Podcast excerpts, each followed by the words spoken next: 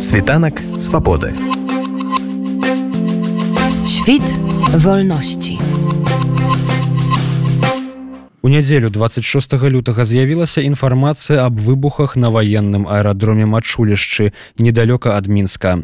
Пра гэта паведаміла аб'яднанне былых беларускіх сілавікоў байпол са спасылкай на сябраў плана перамога.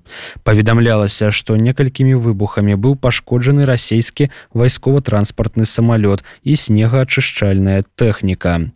Пазней інфармацыю аб знішчэнні расійскага самалёта ў беларусі пацвердзілі і прарасійскія тэлеграм-каналы. Удалося высветліць і тып пашкоджанага самалёта. Ім аказаўся самалёт далёкага радыёлакацыйнага выяўлення і кіравання А50У. Версіі здарэння выказваліся самыя розныя ад халатнасці персаналу аэрадрома да наўмыснага нападу. Так, напрыклад, прарасійскія крыніцы заяўлялі пра нібыта атаку дронаў, якія праляцелі праз паўбеларусі з Украіны, але былі збітыя паведамлялася што абломкі аднаго з дронаў нібыта выклікалі пажар які перакінуўся на расійскі самалёт. Аднак асноўнай версіяй з'яўляецца атака беларускіх партызан на гэты аэрадром. Прадстаўнік аб'яднанага пераходнага кабінета беларусі па аднаўленні законнасці і кіраўнік аб'яднання байпол александр азараў пракаментаваў нашаму радыё тое што здарылася ў мачулішчах. Паводле яго слоў гэтая атака з'яўляецца адказам на заклікі беларускіх сілавікоў да гвалту ў адносінах да прадстаўнікоў дэмакратычнага грамадства беларусі. Сёння удзельнікі плана перамога беларускія партызаны раніцай на аэрадроме мачулішчы здзейснілі акцыю супраць расійскага самалёта а50 які займаўся выведкай на тэрыторыі Украіны і навядзеннем ракетных удараў по тэрыторыі Украіны на гэтым самалёце адбылося два выбухі вынік якіх ён пацярпеў так што ўжо не можа быць выкарыстаны по свайму прызначэнню гэта не мае ніякага дачынення да Украіны значыць лукашенко абвесці у нас ворагамі ён карпенкоў там іншыя яго памагатыя казалі што яны будуць нас адстрыгваць як сабак Вось таму мы не сядзім склаўшы руки працуем на карысць перамогі дапамагаем Украіне у тым ліку рэжым лукашэнкі яго спецслужбы працуюць таким чынам кам першае напалохаць людзей так каб яны не змагаліся ўжо.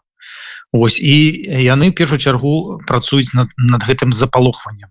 А калі э, значит люди запалоханыя нічога не робяць і таким чынам лукашенко застанецца ва ўладзе і мы перамогі не ўбачым Таму каб мы баяліся мы б таксама нічого не рабілі сядзелі б ціхенька і баяліся что спецслужбы будуць намі займацца узбудзяць новыя крымінальныя справы так далей. Але гэта не прывядзець да ніякай перамогі. Трэба нічога не баяцца не звяртаць увагі на іхнія словы ісці наперад і рабіць сваю справу. Толькі в таким чынам мы пераможам конечно варта далучацца мы калі ніхто не будзе далучацца дык і і перамогі не будзе. Нам трэба усім разам аб'ядноўвацца і змагацца не сядзець склаўшы руки Вось. Таму запрашаю усіх далучацца до нашего плана і мы будемм разам працаваць над агульнай перамогай. Пазней байпол паведаміў што людзі якія здзейснілі дадзеную атаку былі вывезеныя за межы беларусі і знаходзяцца ў бяспецы самалёт далёкага радыёлакацыйнага выяўлення а50 безумоўна з'яўляецца вельмі каштоўнай цэллю. Гэтыя самалёты з'яўляюцца частымі удзельнікамі ваенных парадаў а з пачаткам вайны ва ўкраіне іх называлі вачыма расійскай выведкі ў гэтай вайне за магчымасць выяўлення цэляў глыбока на тэрыторыі Украіны застаючыся непаражальнымі для сродкаў супраць паветранай абароны У рассіі такіх самалётаў было ўсяго 9, адзін з якіх зараз цалкам знішчаны. Прыкладны кошт аднаго такога самалёта ацэньваецца ў 300-330 мільёнаў даляраў знішчаны ў мачулішчах самалёт меў бартавы нумар 43 чырвоны і прыбыў на тэрыторыю Рэспублікі Беларусь 3 студзеня гэтага года. З моманту прыбыцця ён здзейсніў 12 выведвальных вылетаў. Па паведамленні маніторынгавай групы беларускіх гаюн і што сімвалічна да гэтага гэты борт у апошні раз прылятаў у Беларусь 24 лютага мінуўшага года у першы дзень расійскай поўнамасштабнай вайны ва ўкраіне. Світанак свабоды. Świt wolności.